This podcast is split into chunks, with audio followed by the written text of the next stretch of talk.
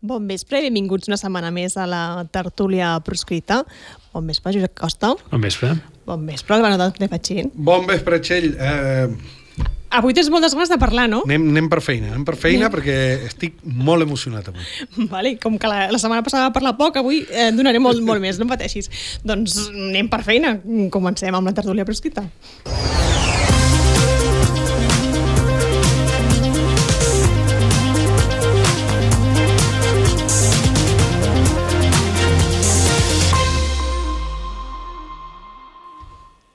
Digue, Albano. Escolta'm, Txell, eh, no sé de què toca parlar avui, però jo vull parlar del gran moment que hem viscut aquest matí, en el qual Pere Aragonès ha anat a la boca del llop a defensar els nostres interessos. Mira, no anàvem a parlar d'això, no, home, sí, sí que Això, anàvem, sí que això és anàvem. política internacional. Política internacional, avui toca política internacional. Podrem parlar? Podrem parlar d'això. Però si et sembla, abans de que parlis tu d'això, eh, connectem amb Madrid, diguéssim, fem política Ah. internacional. No, però no sé si està a Madrid, perquè sé que l'OT està intentant tornar de Madrid, però crec que, com sempre, això dels trens no funcionen gaire bé i no sé ara mateix on es troba l'Ot Bou. Ot, bona tarda. Bon vespre, què tal, com Bon esteu? vespre. No sé si em sentiu bé. Et sentim perfectament. Et dic que no sé on et Estic trobes. perdut en una mena de terreny eh, desèrtic que sembla els Monegros però encara no ho deuen ser, amb molt poca cobertura i amb una avaria elèctrica al tren que ens farà fer un transbordament i per tant bé, és això, és, el, els trens no paren, no paren de fallar. Bueno, avui, avui Pere Aragonès en feia, refer feia referència, no? que ens hauríem de preocupar d'aquestes coses i no parlar de l'amnistia eh, allà. Eh, Sí, de fet, digues, digues. perdona. digues, digues, no, no, tu, tu, tu. No, que ha estat un dels grans temes i probablement una de les grans sorpreses del debat d'avui, que els líders del PP, els, els, els barons del PP, han fet un discurs molt basat en les competències i molt, molt basat en els, en els problemes. Una mica el missatge que li han volgut traslladar a Aragonès, que potser ell s'esperava que hi hauria un ambient molt crispat, molt encès i, i, un, i un debat molt visceral sobre l'amnistia, i en canvi els presidents autonòmics del PP li han intentat fer una mena d'abraçada de l'os, no? I, i referent al tema competencial i al tema dels trens, eh, de fet, la, la, mateixa, la mateixa presidenta d'Extremadura eh, li ha recriminat que avui s'havien espatllat trens a, a Rodalies d'Extremadura i que, per tant, no era un problema només català. I amb això, amb, amb reivindicacions semblants, han anat colant el, el, el relat que avui volia impulsar el PP, que és dir-li una mica Aragonès, escolta, mm, tots tenim els mateixos problemes, tots tenim les mateixes reivindicacions, tots tenim les nostres particularitats regionals eh, i fins i tot identitàries, però el que has de fer tu és passar per l'embut i reivindicar-les dins de la llei. No? I jo crec que això ha deixat una mica fora de joc el president aragonès. I això s'ha acabat en el moment que ha vingut Ayuso, diguem-ne, i, ha, i ha tret tota l'artilleria, i llavors ja el, el to eh, ha acabat sent diferent. Per tant, diguéssim que l'ambient en un principi ha sigut eh, menys crispat del que, es podia, del que podria preveure's? Sí, l'ambient ha estat sorprenentment cordial. De fet, eh, els, els, els líders del PP, fins i tot abans de la sessió, s'han dedicat molt a criticar els socialistes, que mm, recordem que cap dels tres presidents autonòmics socialistes no hi han anat, eh, tampoc hi ha anat el president de, de les Illes Canàries, que és de Coalició Canària, i tampoc hi ha anat el lendacari Íñigo Urcullo, perquè tots consideraven que eh, l'acte d'avui era una campanya partidista del, del Partit Popular, eh, i, i fins i tot abans de començar el debat, abans d'entrar, quan, a mesura que anaven arribant els, els presidents del Partit Popular, tots enviaven, tots els que parlaven enviaven una mica el mateix missatge, no? que era el que és incomprensible és que el PSOE i que Pedro Sánchez no donin la cara sobre aquest tema i han fet un agraïment mm, realment sentit i realment insistent a la presència del president aragonès. L'han tractat amb una gran cordialitat, tant abans del debat com després del debat. Per exemple, si algú eh, hi té molt d'interès pot recuperar eh, la intervenció del, del Vilaweb. president d'Andalusia, que ha estat, ha estat, eh, ha estat del president d'Andalusia, Juanma Moreno, que ha estat realment eh, molt simpàtic i molt agradable amb Aragonès. Li ha dit que, que, que li agraïa de veritat, de tot cor, que hagués vingut i que, i que mm, li hagués agradat que Aragonès s'hagués quedat a escoltar la seva resposta i la resposta de la resta de líders del PP, però que en tot cas es quedava amb el gest que, que havia tingut Aragonès. No? I no només això, sinó que s'han dedicat molt a subratllar el valor simbòlic que tenia que vingués Aragonès. Hi ha hagut un parell de presidents que han dit, de fet, que el, la presència del president de la Generalitat era una manera de reconèixer que tots els espanyols, en les seves paraules, també els catalans, eh, teníem institucions comunes i que una d'elles era el Senat. Um, Ot, l'Albano volia fer una pregunta. Hola, Ot, què tal? Hola, Albano. Eh, una, una de les coses que jo em preguntava mirant el, la intervenció en vídeo era a qui li estava parlant no, Aragonès? És a dir, m'ho preguntava des d'un punt de vista polític, de dir, a, a qui s'està dirigint per demanar què i per fer emergir quina, quina rellevància política. Tu que has estat allà i ho has vist, a, a, a nivell físic, a qui es dirigia? És a dir, tu dius, ostres, el van rebre pues, eh, amb cordialitat, eh, no creus que... O sigui, jo no acabo d'entendre quin era el mecanisme o si, si és que el mecanisme no ha funcionat o que el mecanisme estava mal pensat, però trobo que, que normalment quan hi ha un discurs polític tu t'adreces, t'adreces a un adversari, t'adreces al poble que te vota, t'adreces a, a, a qui s'estava adreçant per Aragonès? Ell, ell físicament, com per dir-ho a la teva manera, ell físicament mirava la bancada del, dels, eh, dels, del Partit Popular, dels senadors del Partit Popular, que estava presidida per tots, que, diguem, la primera fila hi havia eh, tots els presidents un al costat de l'altre, una mica com amb una mena d'imatge de Sant Sopar, tots els presidents del, del Partit Popular.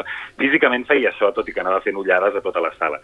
Simbòlicament és una mica el que explicava avui també lo de Echearte en la prèvia que hem publicat a VilaWeb, que és que eh, la presència d'avui d'Aragonès al, al Senat espanyol era una manera de reivindicar-se, jo crec, eh, davant del, del president Carles Puigdemont i de Junts, que estan eh, centrant molt tots els focus i totes les mirades durant la negociació, eh, i ell que sempre ha reivindicat això, no? que, fa, que ja fa molt de temps que reivindica explícitament l'amnistia, jo crec que avui volia aprofitar eh, per fer-se el seu lloc. I, i crec, que, crec que no se n'ha sortit gaire, sincerament.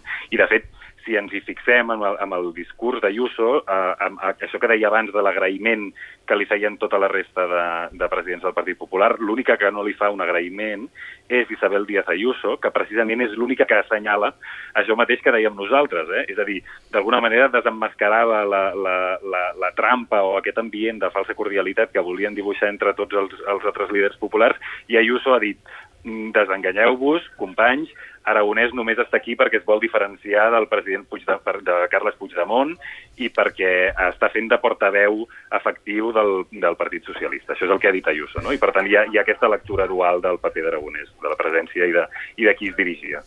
Doncs moltes gràcies Ot, per situar-nos. Et deixem amb la teva odissea per arribar a Barcelona. Esperem que, que arribis a una hora de cent. Esperem, a una hora segur. El, el, la qüestió és a quina, que és una cosa que em fa patir molt més. Que vagi bé la tertúlia. Moltes gràcies. Fins la pròxima. Doncs l'Ot ens situava, diguéssim, amb tot plegat, però si us sembla, potser... Eh, he vist que hi havia un moment que els dos reieu, i és quan ha parlat del valor simbòlic. No? Eh, que l'Ot diu hi havia un valor simbòlic en tot plegat i, i des del PP el, el llegien com algo positiu que Aragonès hi anés. És que... No sé des d'aquí com s'ha de llegir això. És que des de la sentència de l'Estatut que no hi anava cap president de la Generalitat ni autonòmic ni independentista allà en aquest cau de, de, de, de coses que és el Senat, diguéssim. L'últim president que va anar a parlar en aquesta comissió és en Montilla i s'hi va quedar, diguéssim, no? Després, eh? després de ser president de la Generalitat es va quedar allà de senador. Jo no sé si en Pere Aragonès està fent el mateix camí que en Montilla, perquè eh, el camí autonomista va per aquí, no? I, clar, després, després de ser eh, amb 40 anys president de la Generalitat i no tenir ni la més remota possibilitat de ser reelegit, no sé a què es dedicarà, potser està fent punts per acabar el Senat, allà com en aquell cementiri d'elefants, però en tot cas...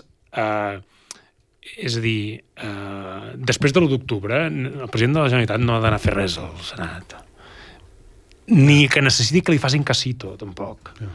És a dir, no, que es busqui una altra manera si necessita que li facin cas. Yeah. No, no és el Senat a, a, allà a parlar de tu a tu amb, amb, el, amb les regions espanyoles i que, el, i que li facin aquesta, no? com ho explicava ara en el Bou, que, que, que li facin aquesta abraçada de dir mira, ets un més dels nostres, tens els mateixos problemes que nosaltres, tots som espanyols i autonòmics. ah, això és molt humiliant, això, després d'haver fet l'1 d'octubre, eh, trobar-nos en aquesta situació. Jo, jo sóc partidari sempre, i ho he dit en aquesta tertúlia moltes vegades, quan dius, ostres, s'ha de parlar del dèficit fiscal, no? i sempre surt el tipus, no, per això ja ho hem dit. No, no, cal insistir, cal explicar, cal fer pedagogia. Soc molt partidari d'això. El que passa que eh, lo d'avui, com tu dius... És que ni els del PSOE hi han anat. és que ni els del PSOE han anat. De fet, de fet diu, Ni el de Coalició Canària no hi ha anat. eh, hem, hem d'anar allà per no deixar la cadira buida, per no deixar que això es converteixi, diguéssim, en un acte del PP, i justament, si no hagués anat ell, això hagués passat desapercebudíssim. Li has donat en safata a Díaz Ayuso eh, eh, l'oportunitat de reivindicar-se eh, com l'Espanya de defensa. I una altra cosa, crec que políticament potser per aquí va l'explicació i potser per aquí podem entendre per què ha anat.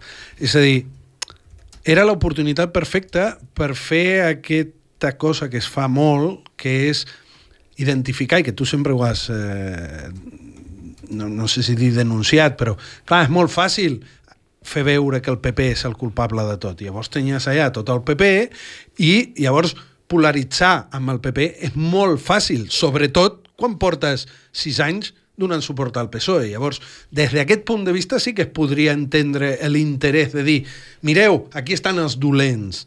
I clar, És que tampoc ha fet Però això. tampoc ha fet això, no? Anava a dir, dic, tampoc que ha sigut un discurs Bu- molt dur. És amb el PP, sí que els he dit, estava aprofitant sempre per fer anti- anticatalanisme, però els li hagués pogut ser molt més dur. Podria haver estat molt més dur, però a més a més, quan en els moments que ha estat dur, i m'ho ha apuntat, hi ha un moment que diu uh, el PP eh, fa una utilització partidista i ho podem veure en la recollida de signatures de l'Estatut, en el 155, en la repressió. Va posar aquests tres exemples. Si hagués estat el PSOE, podria haver dit el mateix. Diu, contra l'Estatut, el ribot, heu votat també a favor del 155 i també heu participat en la repressió contra l'independentisme. És a dir, que quan ell li tira encara al PP lo dolents que són contra Catalunya, Està parlant d'Espanya, no del. PP. Ah, ja, però ho transforma... Aquest Vull dir, problema. aquesta és la passa enrere, El- el- diguéssim. El, problema de, de tot plegat és aquest sempre, que és que, uh, i això és, això és una cosa que la fan especialment uh, els comuns, uh, que és uh, tot el que fa Espanya, tot el que fa l'Estat, ho atribueixen al PP. I, I normalment és mentida. És a dir, és com quan... Uh, és dir, jo crec que si ara fessis una enquesta a Catalunya, el 90% de la gent uh, pensa que l'Estatut se'l va carregar el PP. Ja.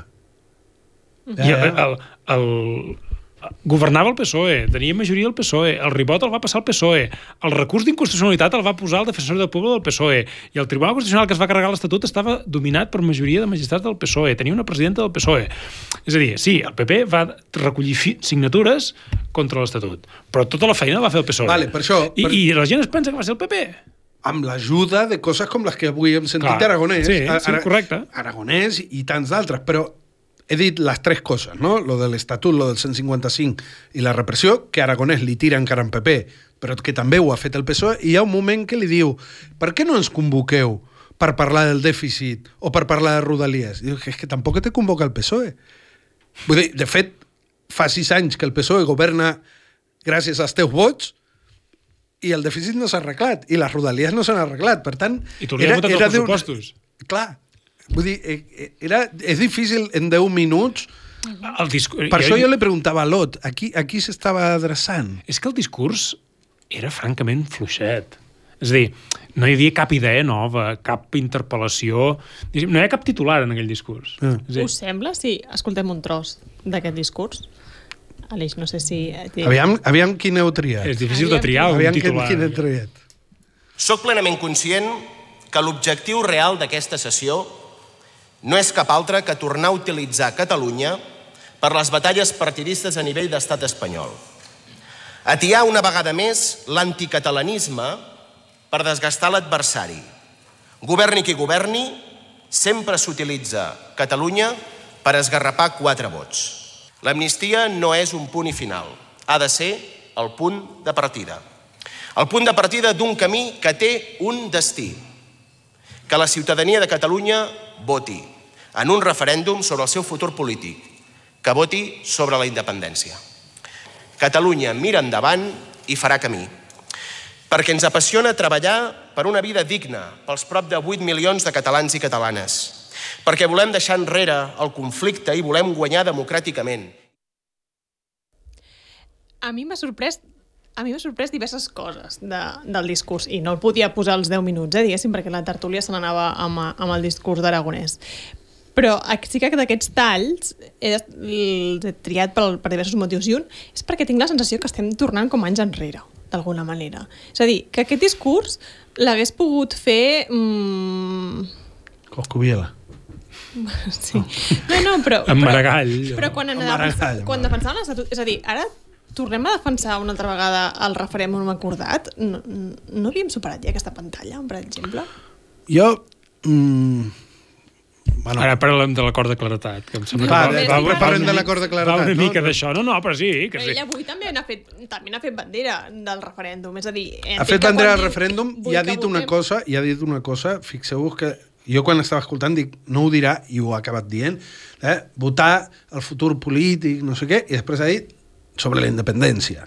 Això també cal reconèixer que últimament eh, això no, ho No ho acabat- diu gaire. No ho diu gaire, i aquí sí que ho ha dit eh, També, també ha dit volem deixar enrere el conflicte i guanyar democràticament. Ja. A mi deixar enrere el conflicte, jo pensava que, que no anàvem a buscar el conflicte. Bueno, clar, eh, això també ho hem parlat moltes vegades aquí, no? La importància de... de o sigui, eh, el conflicte justament és el que el, l'única eina que té el que està sotmès per intentar capgirar l'estrato de submissió. El Senat, al final, és la, el, el, el, l'aparador eh, l'aparador institucional d'aquesta submissió, no? Bueno, l'independentisme és conflicte. Subvertir l'estatu quo és conflicte. La pau és l'estatu quo. Clar. I l'absència de conflicte és l'estatu quo. I això jo crec que és, que és el que fa temps que d'alguna manera ens estan venent i ens estan eh, enganyant o, o ens estan manipulant amb aquesta idea de no, evitem el conflicte, eh, Desjudicialitzar. fem- desju- desjudicialitzar, diàleg, etc etc. I tot això és, eh, això, són sempre arguments per l'estatu quo. No. Tu ho has dit molt bé. Eh, sense conflicte no es canvia res. Uh, i, i, i tu deies, bueno, això va endarrere. És que, clar, abans uh, havíem retrocedit del, abans del 2017, uh, anàvem pel 2013, però és que ara ja anam pel 2007 o el 2008. uh, I i és, és bastant desesperant, eh? És a dir, que... que uh, uh, vull dir, eh, en Pere Aragonès ja era diputat en aquell temps, de, del 2007 i el 2008, eh, quan en Montilla era president de la Generalitat. Uh, I, per tant, hauria de saber que, que aquesta escena ens retorna en aquell, visualment. No? Visualment ens torna a, a, als anys previs a la sentència de l'Estatut. I, i, I aquest llenguatge de que oh, en PP sou dolents perquè feu, feu anticatalanisme per guanyar vots, això és el mateix que dèiem fa 20 anys. I, i mm, és el que deia, per, per, per intentar que et facin una mica de cas, perquè eh, la força negociadora està a un altre lloc i, i les, els focus estan a Waterloo i estan a, a, a, amb el president Puigdemont i tu necessites sortir aquí però no necessites humiliar eh, mm, tota una ciutadania que ja no vol participar d'això, no? Que no hi volen ni participar els canaris. És que, Ah. Bueno, i que és anar a que te torea Ayuso, no?, al final. Que no, bueno, que- al final, per molt que tu vagis amb un discurs per intentar marcar el relat, per intentar tu eh, vendre la teu, el teu llibre, al final, després, allò no ho controles tu, allò és, la, allò és Espanya. A dir, te'n vas a Espanya i te'n vas en el sistema mediàtic espanyol, en el sistema polític espanyol, amb les regles espanyoles i tots els presidents espanyols que, que et, et construeixen el discurs, et donen... A dir, el context del teu discurs te'l dona el PP, perquè no hi ha ningú més. Jo, jo he de dir que... És a dir, en certa manera, sóc pragmàtic o intento ser pragmàtic en el sentit de la importància que pot tenir, jo què sé, escolta'm, si demà te fan una entrevista a la Sexta, tots sabem el que és la Sexta, però potser si és el president de la Generalitat i vols fotre un cop sobre la taula i no sé què, doncs vas a la Sexta no? hauríem, au- segurament s'hauria d'estudiar molt bé en el context en el qual s'hauria de prendre una decisió com va el president de la Generalitat a la Sexta? Va el president de la Generalitat?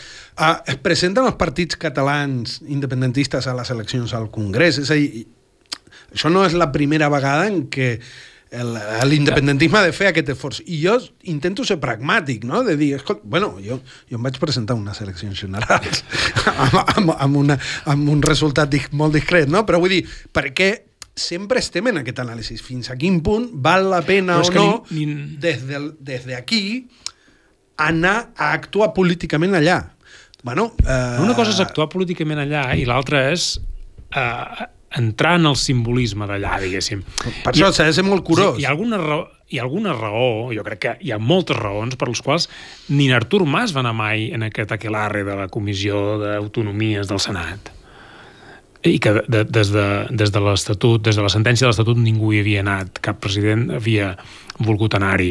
El president Puigdemont, quan el varen citar al Senat per debatre el 155, hi va enviar l'ambaixador a Madrid, que és el que fas amb la política internacional, l'envies l'ambaixador, i va enviar en Ferran Mascarell a, a defensar la posició de la Generalitat allà. I quan en, en Rajoy convidava el president de la Generalitat a debatre al Congrés de Diputats, eh, no es prestava, perquè tu no, allà no hi tens res a guanyar. Anar a debatre en el, en el, en el context espanyol. Perquè a més no estaves debatint amb Pedro Sánchez. No estaves debatint de president a president. No.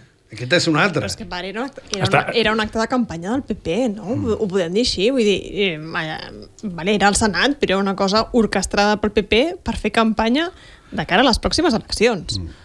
No, no, absolutament.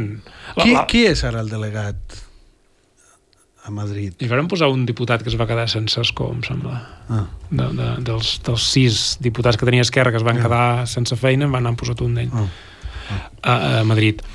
El, el... Dèiem això de que, de que és aquest retorn a l'autonomisme, de, de, de que el president eh, autonòmic ja participa, diguéssim, en, tot el, en tots els saraus eh, espanyols. Jo crec...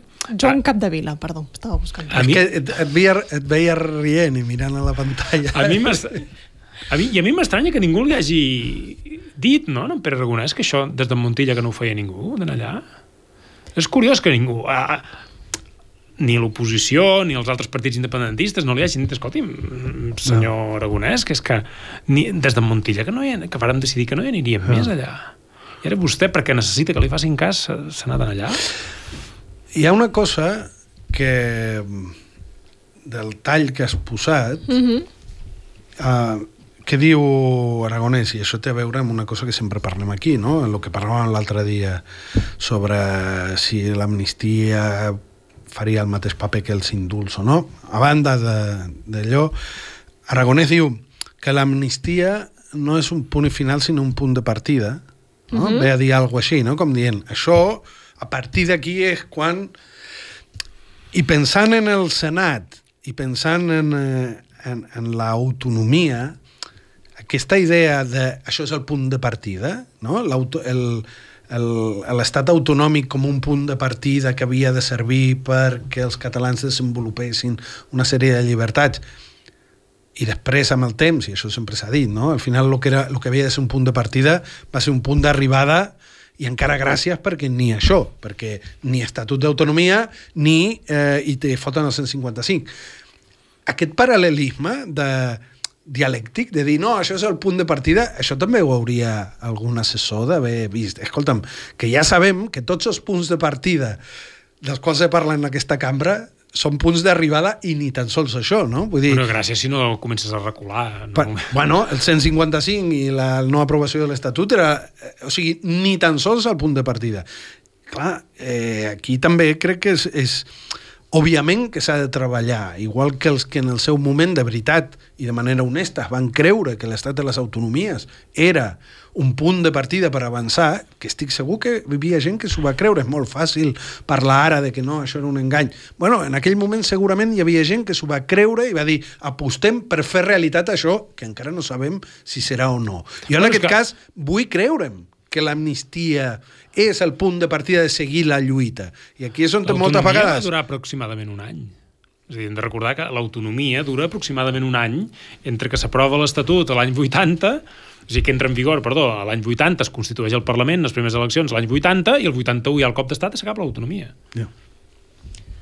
Anava a dir, eh, hem estat parlant molts dies d'amnistia i sembla que ara aquesta setmana hagut com un canvi i tornem a parlar de referèndum i ha sigut, abans parlàvem, no?, que, que hem vist l'informe eh, que ha presentat eh, l'acord de claredat sobre el referèndum que he de dir que això de acord de claredat, molt clar, no sé si ens ha quedat res, perquè aquest informe, eh, diguéssim que hi ha moltes inconcrecions i moltes coses una mica estranyes, podríem dir, no? Què us ha semblat? Us l'heu llegit? Mm, Jo sí. sí. la pàgina 8. Sí, no, eh, evidentment per parlar-ne eh, l'hem de llegir. Algunes parts eh, són lliçons que ja les sabíem, gairebé totes. Jo crec que el, el... ara deies que comentàvem això de que es torna a parlar de referèndum. La, la virtualitat que té aquest informe eh, en el relat polític crec que és fonamentalment eh, desvirtuar la idea de referèndum. És a dir, fins ara, quan parlàvem de referèndum, tots sabíem de què parlàvem. Quan, parlava, quan l'independentisme demanava un referèndum, tothom sabia de què parlava. Després d'aquest informe de l'acord de claretat, quan es parli de referèndum, hem de preguntar de quina classe de referèndum m'estàs parlant, perquè si no m'estàs enredant ja. És a dir, si algun polític, i especialment en Pere Aragonès, que és el que parla de referèndum sense adjectius, quan en Pere Aragonès parli de referèndum, li hem de preguntar de quin tipus dels referèndums que parla el teu informe t'estàs referint? Del que voten els espanyols, del que voten els catalans, del que és l'inici del procés o del que és la ratificació del procés? És a dir, aquest informe és per desvirtuar la idea del referèndum i ara quan, quan el govern de la Generalitat parli de referèndum ens hem de posar la mala cartera perquè ens estan enredant ja. Si parlen només de referèndum sense adjectius, i no diuen referèndum d'autodeterminació o no diuen de referèndum sobre la independència, referèndum binari sobre la independència, ja ens estan enredant. I aquest informe ho demostra clarament, perquè parla de tot tipus de referèndums menys de referèndums d'autodeterminació. Per situar una mica la gent que, mm, no sé, potser desconnectat i no ho ha seguit gaire, eh, l'informe preveu cinc tipus de, re, de referèndums, no? Eh, arriba a proposar un referèndum al conjunt de l'estat espanyol o arriba a proposar també fer un referèndum simultani Catalunya i, i, i Espanya, no? Eh, això no es tira molts passos enrere per una, per una banda. No havíem quedat que nosaltres podíem decidir lliurement el nostre futur, que ara també ho ha de decidir Espanya? Mm, mira, tinc la sospita de que el que està fent el govern de la Generalitat és convertir la política catalana en una cosa tan avorrida que la gent deixi de mirar la tertúlia proscrita. És a dir, anem, anem a no fer res perquè... Ens estan boicotejant. Ens estan boicotejant la tertúlia. I això no els hi podem perdonar. És a dir, anem a fer les coses tan avorrides que, que, que ni tan sols tinguin ganes de criticar-nos. Dit això, eh, no ho aconseguiran. per què? Perquè deixeu-me dir una cosa. Ho vaig dir abans de que es fes l'informe. Aquí li vam dedicar un o dos programes ja a la cosa aquesta del, de la claretat aquesta. Molt bé. Um, I ho vaig dir llavors, i quan aquests dies que he llegit, he de dir que ho he fet en diagonal, he llegit per pàgina per pàgina fins a la 8, que és la introducció on els autors expliquen per què l'han fet i tal. Tot l'altre m'ho he llegit en diagonal. Per què? Perquè la introducció confirmava una cosa que jo vaig dir quan es va convocar aquest, aquesta cosa. I és aquest intent de posar-se en el paper d'àrbitre. Anem a mirar totes les opcions. Anem a veure els pros i els contres. Tu no... O sigui, per això paguem un gestor, paguem eh, l'Institut d'Estudis Autonòmics, o no sé com es diu. És a dir, tu ets un... Ridau, no. Ah, o en Ridau. Tu ets un, que no. tu ets un agent polític. És a dir, jo no vull un govern de la Generalitat que tingui com a objectiu eh, trobar la manera... Eh, no vull un àrbitre, vull un govern, i un govern de part. Un govern de part. Escolta'm, no passa res que demà tenim un president de la Generalitat que aposta per la unitat d'Espanya perquè els catalans l'han votat, perfecte, i ell ho farà. No us càpiga cap dubte que no preguntarà quina és la millor manera de votar sobre la unitat d'Espanya. Serà unitat d'Espanya. En canvi, un president independentista, com, com, com se reivindica a si mateix Aragonès, no fa el seu camí, sinó que pregunta bien quin camí hem de fer. Aquesta eh, posat de, de, com a àrbitre en un conflicte no li correspon al govern. El govern se presenta a unes eleccions contraposant projectes. I aquí eh, sembla que ja no és part d'un projecte, sóc el president de tots. És aquella camama del el president de Catalunya tots, sencera. de la Catalunya sencera i tal. No, tu tens un projecte polític, perquè si no tens un projecte polític, per què serveixes? I acabo. Uh, això és la versió del despolititzar. Vull dir, i despolititzar té a veure amb això que has dit, és que ja no sabem ni què sembla, ni, ni, ni què és un referèndum, ni quin referèndum defensen el, el president de la Generalitat, que suposadament és independentista, és la idea de Ciudadanos. És que la idea de Ciudadanos és el triomf del, de això de claretat, d'anar al Senat. Què li deia Inés Arrimadas? Durant anys, als presidents de la Generalitat. Escolta'm, molt queixar-se. Vagin a la... Com era l'altre? No, el Volen fer un Senado. referèndum, vagin a Madrid i demanin la reforma de la Constitució. Clar. O, quan hi havia problemes concrets, vagin a aquella taula d'interreacció... Com és? Sí, que sempre els enviaven allà. No sé. Ostres, A la conferència de presidents. a la... no, hi ha, hi ha un altre òrgan... Ostres, quina vergonya, perquè m'hauria de saber això, eh? La comissió bilateral. La comissió bilateral. O sigui, cada cop que se queixava algú de tal, oh, vagi a la comissió bilateral, com dient, vagi a la comissió bilateral, que ja li direm que se'n vagi a fregir espàrrecs, no? Però, bueno, pues és el mateix, és, és el triomf de, de Ciutadans, i bueno, eh, Inés Arrimadas li podria haver dit perfectament a Pere Aragonès fa cinc anys, és a dir, no es queixi tant, i dir, demani-li a un grup d'experts, aviam, com sortir d'aquest. Bueno, eh, eh, Aquí està. Això és, això és don- donar-li una pàtina acadèmica a la rendició. És a dir, aquest informe serveix per això. Al final, jo tampoc tampoc ho focalitzaria ni en la qualitat de l'informe ni en l'expertesa dels que l'han fet. Per això, Al per això el jo de mal- lo que em queixo de, de, de la comanda que li han fet. Ah, Escolta'm, ells... sigui, pues.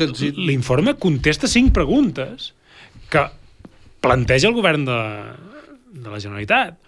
El govern de Pere Aragonès planteja les cinc preguntes que contesten els experts. I els experts, he de dir que les preguntes que li fan les contesten des d'un punt de vista relativament informat, és a dir, gent que ha estudiat una mica, que ha viatjat una mica i que tenen a, a, a, a, alguns d'ells un cert currículum acadèmic i contesten les preguntes com si és un examen fluixet, en el sentit de que és un examen fàcil.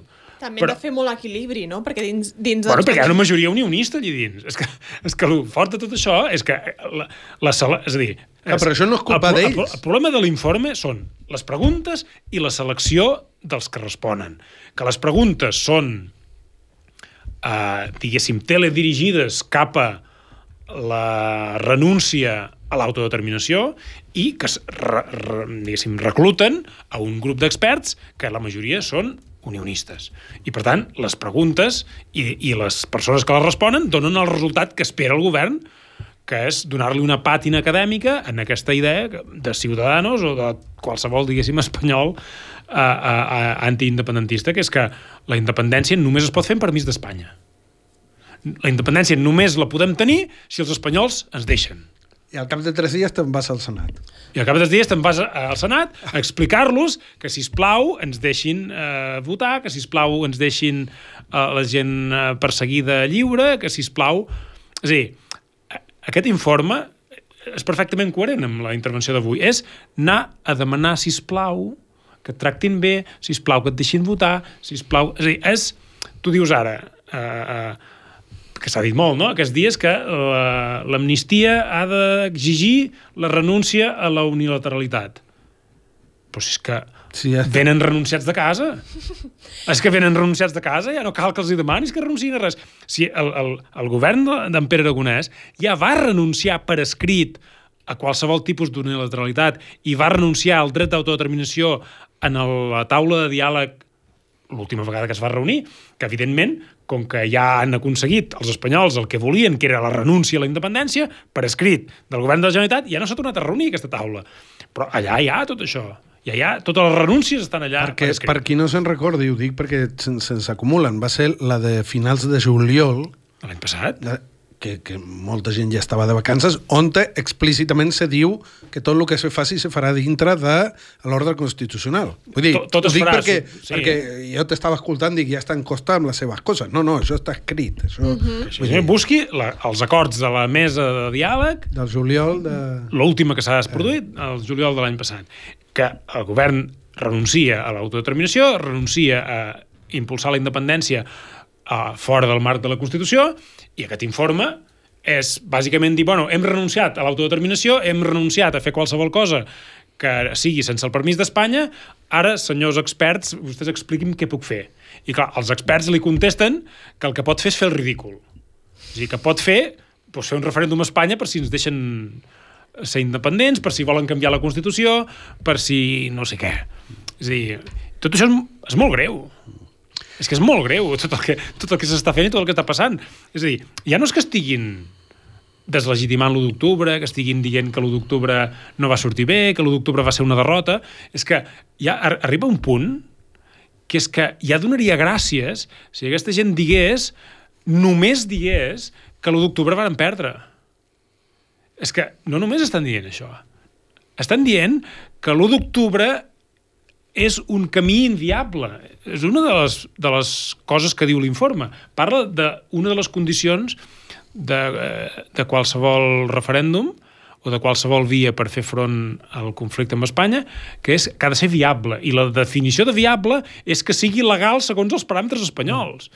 I, per tant, eh, eh, ja no estàs deslegitimant l'1 d'octubre, estàs deslegitimant l'autodeterminació i estàs deslegitimant la, la, la capacitat dels catalans de decidir per ells mateixos el, el seu futur polític. I, per tant, estàs dient que l'1 d'octubre no serveix, ni res comparable amb l'1 d'octubre no és el camí per la independència. Mm. Estàs dient que l'únic camí que hi ha per anar a la independència és que Espanya et doni permís per fer-ho. De fet, me pregunto, eh? ara, ara no... És a dir, jo recordo, per exemple, quan van anar la Marta Rovira, en Jordi Turull i a l'Herrera, crec que era, que van anar al. Congrés no? a dir, escolta'm, que els catalans... Eh, bueno, a fer una mica reivindicació. Eh, es podria dir que la gran... Al final era anar a Espanya a demanar, però es podia dir, o la impressió que en aquell moment donava és aquesta gent estan avis van a avisar, van a alertar de dir, senyors, si no els feu cas, nosaltres tenim una, car una altra carta sota la mà. Òbviament, Herrera no deia el mateix que Turull, ni Turull deia el mateix que Marta Rovira, eh, tot i que ells... Però la sensació era us donem una oportunitat més. Eh, que, que, que potser això era buit perquè era no, impossible, eh, però com a mínim tu en l'horitzó estaves plantejant la, de, de, de dir jo tinc un camí... Era avançar. Era avançar. Tot allò era, era caminar endavant. Clar. O sigui, el, problema això, és, el problema és quan camines enrere. Per això jo te deia lo del pragmatisme, sí. de dir, escolta'm, si s'ha d'anar, s'hi va, però has d'anar a l'atac. No, no, no has d'anar a confirmar el retrocés. Clar, és a dir, quan, quan en Jordi Pujol va anar la primera vegada en aquesta comissió d'autonomies que ha anat avui en Pere Aragonès, va ser la primera vegada a la història que algú va parlar català allà al, al, en, aquesta, en aquest òrgan, que havien, no? van crear-lo i van permetre que es fessin intervencions en català. I, i, i, però ara, 25 anys després, no sé quants, ja, perquè, no, molts, pràcticament 30 anys fa de, de que en Jordi Pujol va anar en aquesta comissió d'autonomies del Senat. Es, es, es, es estaria, bé, estaria bé recuperar es torna enrere. la intervenció, no? Sí, és a dir... No, jo no, jo no me'n recordo. Però no, però uh, sí... Allà, Ens faràs llegir una intervenció de Jordi Pujol? Però, a, a, què vull dir?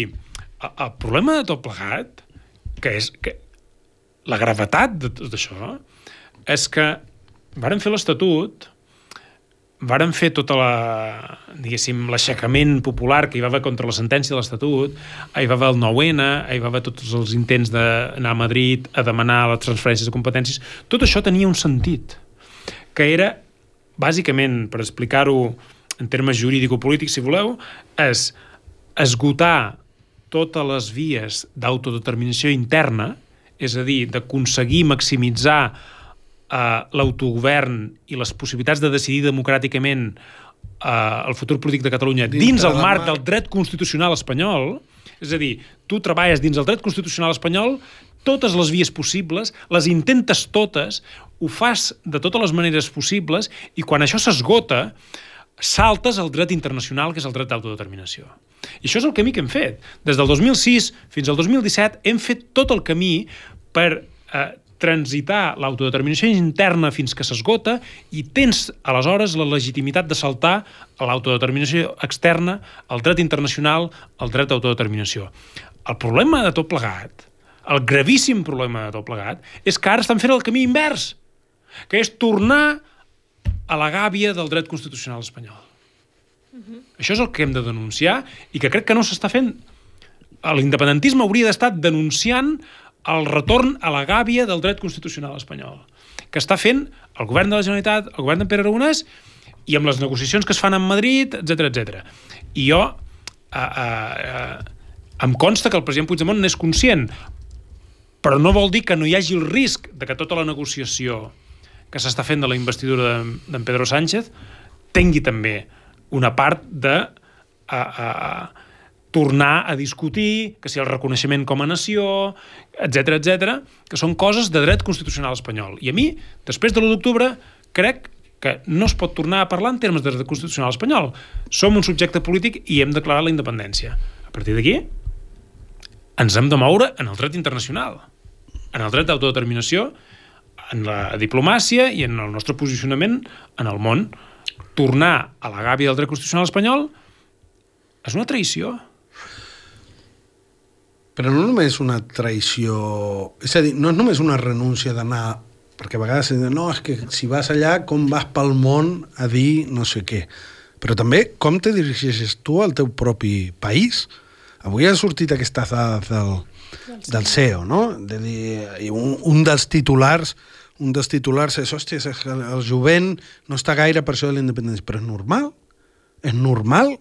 És a dir, eh, si el, ho dic, potser algú no ho ha vist, es veu que el CEO, una de les coses que ha trobat és que entre la gent més jove el projecte independentista pues, té molt menys suport que entre la gent més gran, però és que certament... I té més suport l'extrema dreta. També. I té més suport l'extrema dreta. Però, certament no ajuda gens a que la gent es polititzi en una clau independentista quan el que es percep i ho percebem nosaltres, que ja tenim una edat, eh, però que segurament ho perceben molt més bé els joves, és a dir, aquí no hi ha cap projecte engrescador que me porti a anar cap endavant. O sigui, aquest, aquest retrocés, potser tots aquells joves no saben tot això de l'Estatut, de, de si tornar a, a, a abans del, de l'1 d'octubre. Molts d'ells poder no ho saben, però la percepció de que aquí els únics que estan parlant i dels únics que estan parlant cap endavant, dels únics que estan convidant a fer coses, que al final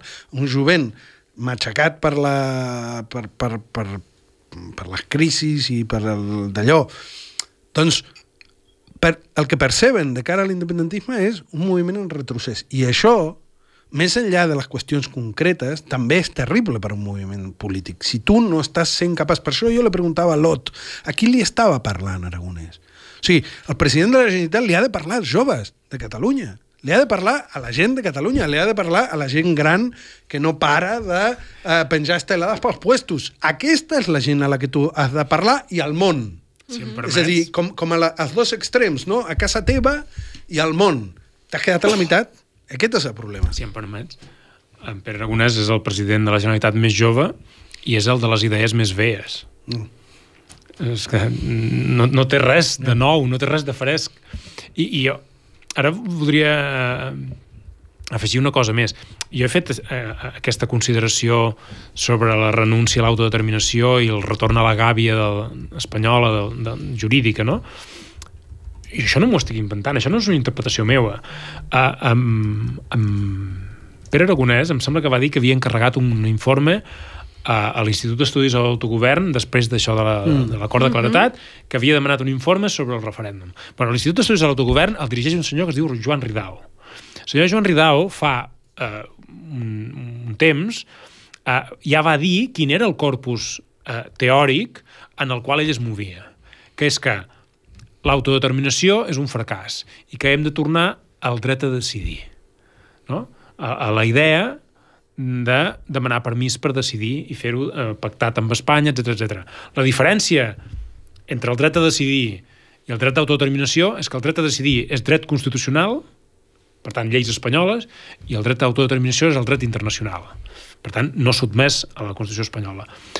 I aquí un toc d'alerta, perquè el govern d'en Pere Aragonès últimament parla molt més de dret a decidir, de referèndum sobre l'Estatut Polític de Catalunya, és a dir, renuncia a parlar en termes d'autodeterminació i parla en termes de dret a decidir. Això eh, jo he detectat que hi ha periodistes o hi ha mitjans de comunicació que ho utilitzen com a sinònim, no? És a dir, Pere Aragonès diu defensaré el dret a decidir i algú titula defensa el dret d'autodeterminació. Perdó, són dues coses molt diferents. Estan parlant de dues vies completament oposades i la segona, el dret a decidir, és una gran reculada, és una gran renúncia sobre la defensa de l'autodeterminació.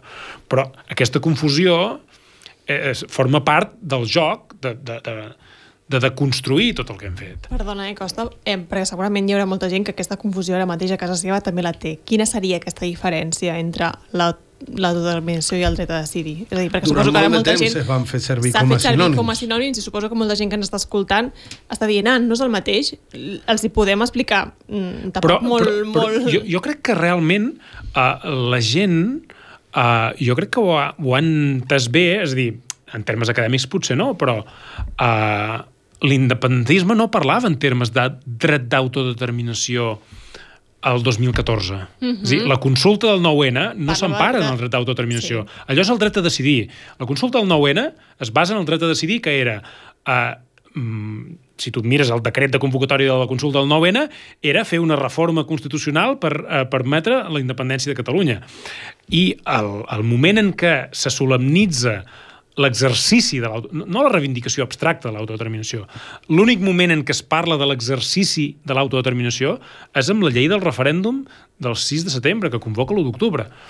En aquella llei es fa, diguéssim, tota l'explicació de dir hem esgotat totes les vies de diàleg i negociació amb Espanya, és a dir, hem es- esgotat qualsevol via de dret a decidir, de fer-ho d'acord amb la legislació constitucional espanyola, de fer-ho d'acord amb Espanya, i en apel·lam en el dret internacional, que és el dret d'autodeterminació.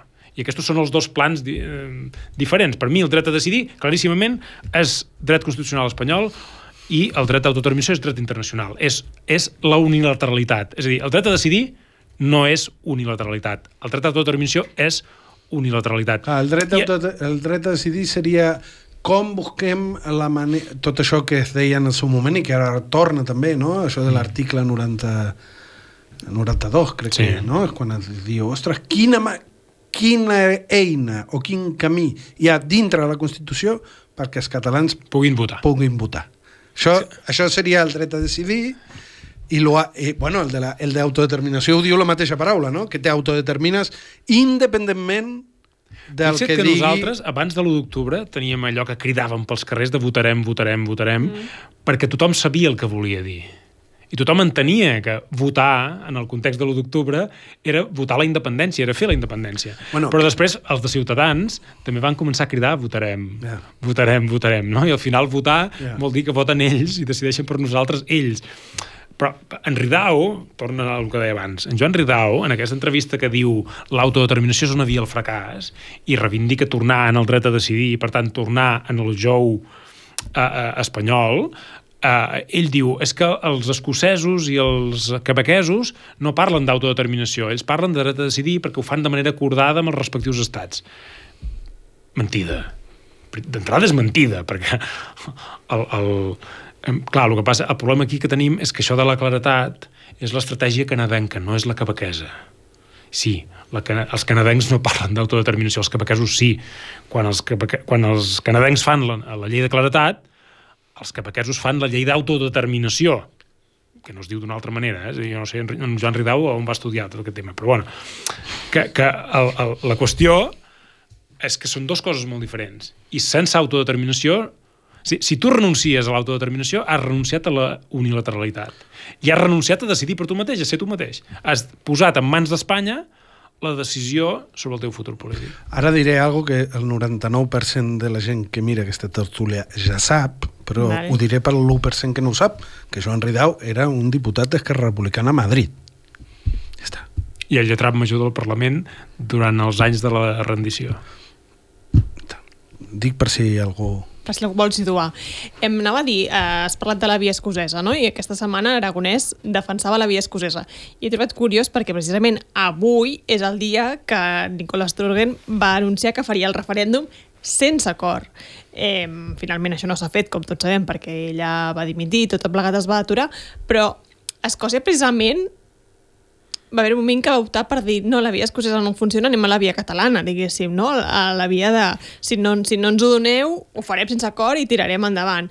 Llavors nosaltres anem a buscar la seva via? No és una mica contradictori que, que, que tot plegat? Mm, Sí, potser més que contradictori ja és una mica surrealista, però és evident que aquí ens han passat eh, un munt d'anys dient que Espanya hauria de fer com el Regne Unit, no? que, que haurien de prendre lliçons de, del Regne Unit i l'únic que ha passat és que el Regne Unit ha pres lliçons d'Espanya i han eh, arribat en el punt de dir que el Parlament escocès no té competències per eh, fer cap tipus de consulta ni referèndum que eh, es refereixi al tema de la independència. I els Esco- escocesos han dit, home, no, ho farem d'una altra manera, però el que no farem és deixar de decidir el nostre futur, renunciar al nostre futur polític. Però que vull dir, Escòcia, Escòcia s'ha mirallat amb Catalunya, en part. Sí, hi ha un sector, sí que és veritat que hi ha un sector que n'han parlat malament. És a dir, mm, venen a dir no volem acabar com els catalans.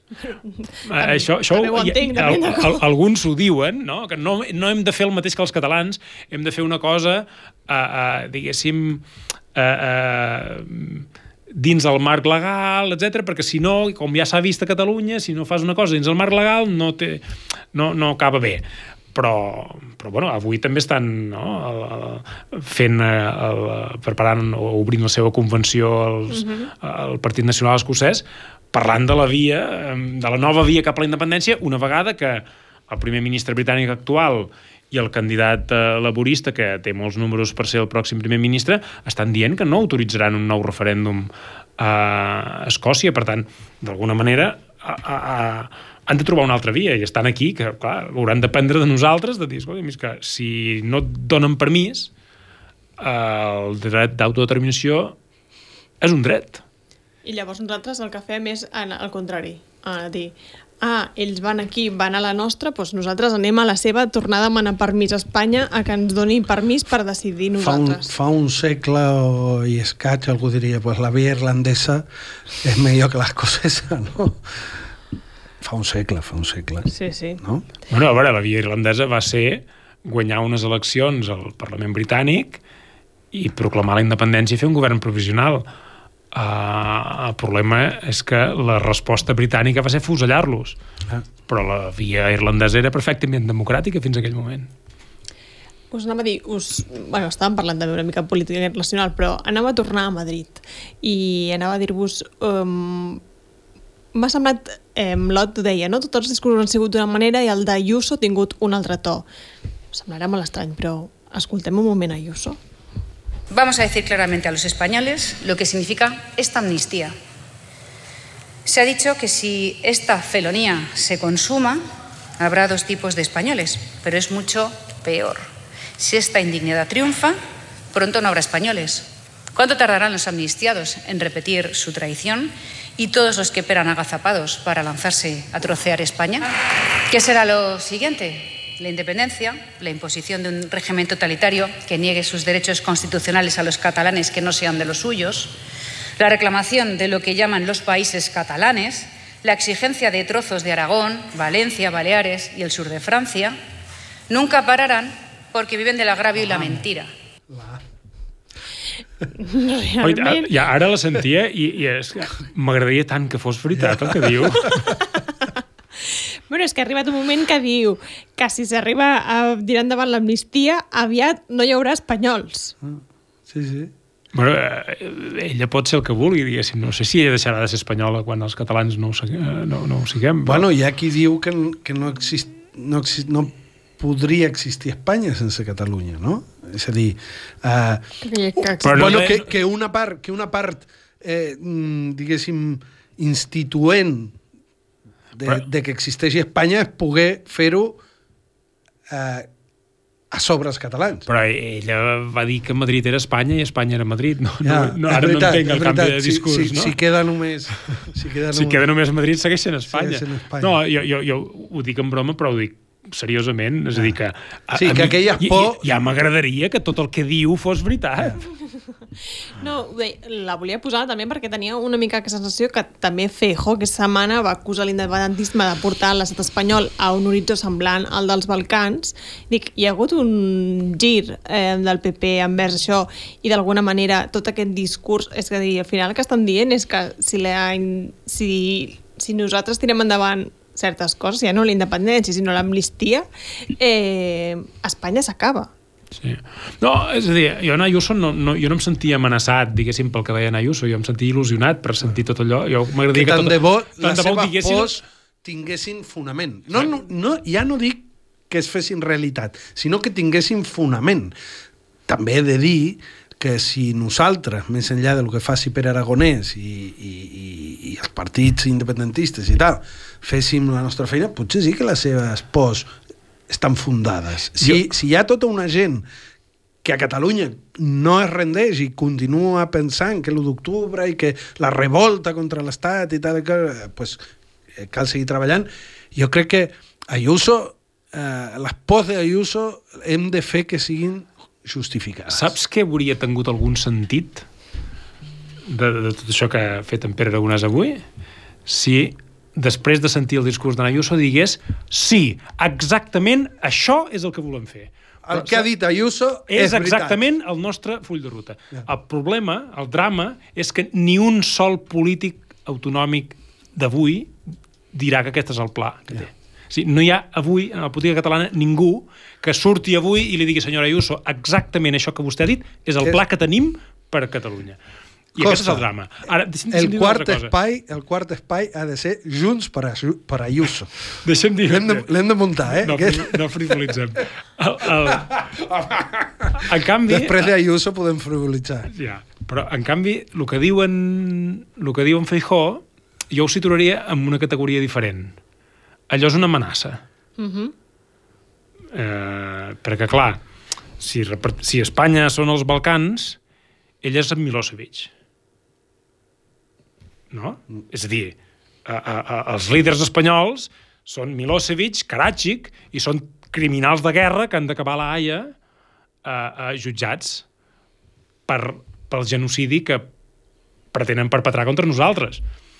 Uh, I jo, clar, clar, en aquest cas, jo en en Feijó li diria, si vol fer de Milosevic, que comenci pel final. Eh? És a dir, ell va acabar mort en una presó a la Haia allà, mentre el jutjaven per crims de guerra, doncs comencem pel final i ens estalviem el genocidi. Escolti'm, hi ha coses que millor no treure-les, millor no parlar-ne, perquè mm, si tu parles de segons quines coses has de saber quin és el teu paper en aquesta història. Ara hem obert moltes, moltes portes, però se'ns acaba el temps, per tant no deixarem aquí. Eh, parlarem molt més de tot plegat la setmana que ve. Fins la setmana que ve.